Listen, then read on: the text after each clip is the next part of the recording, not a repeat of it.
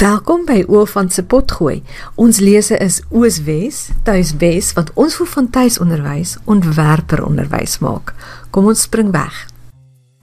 Hallo Marisa hier. Hierdie is 'n bonus episode wat ek graag vir jou wil opneem nadat ek 'n navraag hieroor gekry het. Al hoe meer en meer ma's wat die eklektiese tuiskoolbenadering volg, dink daaraan om die Amerikaanse hoërskooldiploma te gebruik vir matriek. Maar nou begin hulle wonder, wat doen 'n mens in Afrikaans op hierdie roete? En in hierdie episode wil ek graag vir jou 'n paar maniere gee waarop jy oor van se kursusse kan gebruik in die verwerwing van 'n Amerikaanse hoërskooldiploma. As jy nog nooit van die Amerikaanse hoërskooldiploma gehoor het nie, dit is 'n bewese matriekroete.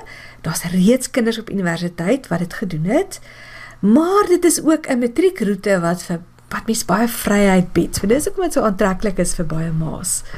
Daar's twee ander potgooi episodes hieroor oor die Amerikaanse hoërskooldiploma as jy meer inligting daaroor wil hê. Die een is episode 17 en sy opskrif is 'n makliker matriek? Nee, wel lekkerder. En die ander een is episode 22 en sy opskrif is so maak jy matriek in Afrikaans sonder caps. Maar kom ons keer terug na die vraag waaroor ek vandag wil praat en dit is hoe gebruik jy Oofan se kursusse in die Amerikaanse hoërskooldiploma? Afrikaans stel in hierdie opset as 'n sogenaamde foreign language.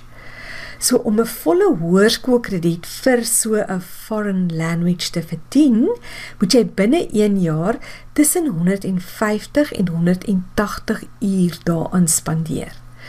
En dit kom neer op omtrent 1 uur per dag wat jy tussen 30 en 36 weke van die jaar aan die vak moet spandeer. Dit ons nou die skoolvakansies nou uitgesluit.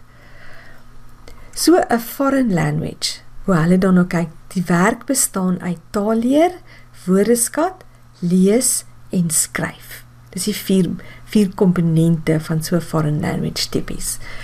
Verder moet jy ook asseblief onthou dat die Amerikaners baie dieselfde benadering het as die Britte met die Cambridge stelsel. Vir hoërskool wil hulle hê die kind moet klaar die taalreëls kan toepas deur self te skryf. So hulle gaan nie die taal leer, die grammatika so baie toets nie. Vir hulle vind die evaluering plaas deur te kyk of die kind die taalbeginsels so spelling en ander taalreëls korrek in hulle eie taal as skryfwerk kan toepas. So ek het by Stefanie Burger en Annerin Wenholt hieroor gaan kers opsteek. Ek het bietjie met hulle gaan praat. Beide van hulle gebruik die Amerikaanse hoërskooldiploma vir hulle eie kinders, maar hulle begelei ook ander ma's om dit ook te kan doen. So ek gee vir jou beide van hulle se kontakbesonderhede in die beskrywing van hierdie potgooi.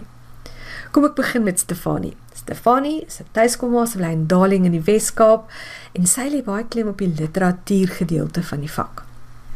So sy sê, sy sal tipies 'n ma aanraai om 15 minute Afrikaans vir graad 9 of selfs graad 10 te gebruik om taalleer en woordeskat mee in te oefen vir 'n kwartier per weekdag. Sy sê dis net mooi omtrent in lyn wat die beginsels is vir so foreign language. 15 minute 'n dag aan formele taalwerk, taalleer is 'n baie goeie ding.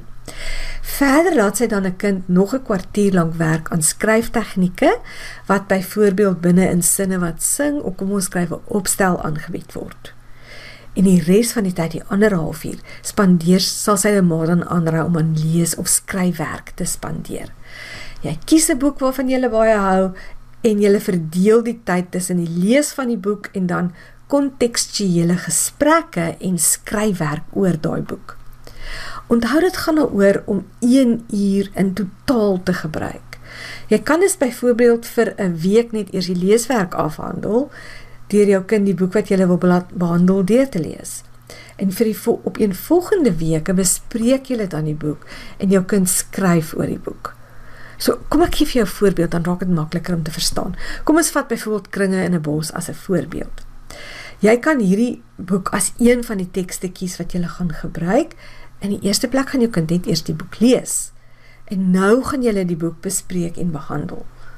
Jy kan byvoorbeeld praat oor die titel van die boek. Hoe kom die motief van kringe weer en weer in die boek voor?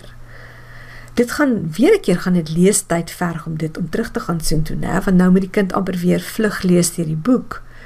En jy gaan boekhou van die tyd wat. Onthou jy wil jou doelwit is omtrent 'n uur per dag wat jy in hierdie vak spandeer. Of nog 'n idee is jy kan praat oor die een ooreenkomste tussen die hoofkarakter Saul en die olifant Oupoot. Uiteindelik, nadat jy nou daaroor gepraat het en dit behandel het en 'n bietjie weet bespreking daaroor gehad het, gaan jou kind ook opstelle oor hierdie onderwerp beskryf. Maar daarvoor moet jou kind nou eers weer die tegniek van opstel skryf baas raak. So, dan gaan jy weer tyd spandeer binne in die oë van kursus, kom ons skryf 'n opstel. Weer 'n keer. Hou elke keer gaan jy elke keer boekhou van die tyd wat jy gespandeer het. As jy sukkel om boeke te kies, het Stefanie het vir my 'n vreeslike oulike en 'n baie bevrydende idee. Sy sal self so sê, sy laat haar seun populêre storieboeke lees, wat dalk nie heeltemal so goed geskryf is nie, sy nie letterkunde nie. En dan moet hy dit ontleed en dan skryf wat hy dink die gebreke daarin is in terme van byvoorbeeld karakterontwikkeling of 'n storielyn wat platval. Interessante oefening, né? Moet hou, jy kan ook met nie fiksie werk.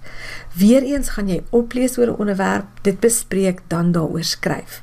Jy gaan jy kan jou kind ook laat oefen om standpunt in te neem teen of vir iets. En hiervoor en Stefanie sê haar seun is lief om dit te doen. Hiervoor gaan daai bonuslesse wat gaan oor die skryf van die beredeneerde opstel. Dis 'n bonusles binne in die oor van kursus kom ons skryf 'n opstel. Gaan jou baie help. Dis eintlik 'n tipiese ding wat die GED doen, maar jy kan gerus met daai soort van opstelle ook oefen want dit leer kinders regtig baie goed redeneer. Goed, kom ons skuif nou oor na wat Annerien doen. Haar manier van doen. Ek wil vir jou ook 'n paar idees gee. Sy gee raad vir ander ma's, maar haar eie dogter is op die oomblik in die proses en sy gebruik die oor van kursusse. So sy het afgeskop deur haar dogter in deur 'n afdeling van sinne wat sing te laat werk. Sy sê dit het haar omtrent so 4 uur geneem om deur hierdie basiese konsepte van een afdeling te werk. Maar toe het sy maar sy het heeltyd haar al hierdie konsepte die dogter al konsepte laat hersien en weer en weer laat inoefen met haar skryfwerk en boekhou daarmee. Nou die doelwit is 1 uur per dag. Ons praat nou van die hoërskool. Dis nie 15 minute Afrikaans wat ek praat van die laerskool. Ons is nou regtig om besig om reg te maak dat die kind matriek kan skryf. Maar uiteindelik het Annerin net so Stefanie gaan sy ook nou literatuur oorbeweeg want sy weet soos ons reeds gesê het, dit is belangrik vir die mense van die Amerikaanse hoërskool diploma. En Annerin het vir my net so 'n oulike en 'n vars idee wat jy gerus kan oorweeg. Sy het haar dogter die fliek Pad na jou hart laat kyk en analiseer en laat ontleed. Nou die draaiboek van daai fliek is geskryf deur die akteurs wat die hoofkarakters in die fliek was. Maar daarna het die skrywer François Bloemhof ook 'n roman daaroor geskryf wat op die draaiboek gebaseer is. Dis interessant, hè, wat gewoonlik is dit andersom. Die boek kom as eerste en dan word die fliek daarop gebaseer. Maar dan wat Anderien bygedoen het, is daar 'n literatuurstudie oor pad na jou hart te koop. En jy sê dit bygekoop en sy dit as 'n basis gebruik. Nou dis nie die enigste literatuur wat sy in 'n jaar gebruik nie, maar dit was my so oulike idee, ek wou dit graag met jou gedeel het. Jy kan natuurlik besluit om hoe lank jy aan 'n boek wil spandeer. Dis heeltemal moontlik om 'n hele semester aan een boek te spandeer as jy dit ordentlik behoorlik analiseer. Maar jy kan ook besluit om baie boeke te doen en dit meer oppervlakkig te doen. En miskien kan jy nou begin agterkom hoekom is die Amerikaanse hoërskooldiploma hoekom raak dit so gewild? Want die keuses is onbeperk. Maar daai tydriglyn is baie duidelik vir jou uitgestipel en daarom is die vryheid vir so baie ma's baie aanloklik. Nou ek ek dink nog steeds die ideaal van een opstel per week is 'n goeie idee. Want elke keer as jou kind so 'n opstel skryf, moet hy of sy dink, hulle moet met hulle self redeneer en hulle moet hulle idees op papier kan uitdruk sodat iemand anders dit kan verstaan. Dit is alles wonderlike vaardighede wat hulle hulle lewe lank goed te pas gaan kom. Net om die Amerikaanse hoërskooldiploma deur te kom nie. Nee, dit is iets wat hulle in hulle werk die hele tyd gaan gebruik. So laat ek nou vir jou sê wat my doel was met die oor van kursusse toe ek hulle opgestel het. Ek wil vir jou kinders behoorlike steierwerk verskaf sodat hulle met gemak kan skryf, baie wegspringplekke het, idees hoe om hulle werk goed te struktureer en dan uiteindelik ook die vaardigheid het om dit te redigeer sodat dit maklik en lekker lees. As jy meer vrae het hoe jy die oë van kursusse deel kan maak van die vereistes van die Amerikaanse hoërskooldiploma, sê baie welkom om vir my 'n e e-pos te stuur by marisa@oofant.com. En ek gesels baie graag weer volgende keer met jou.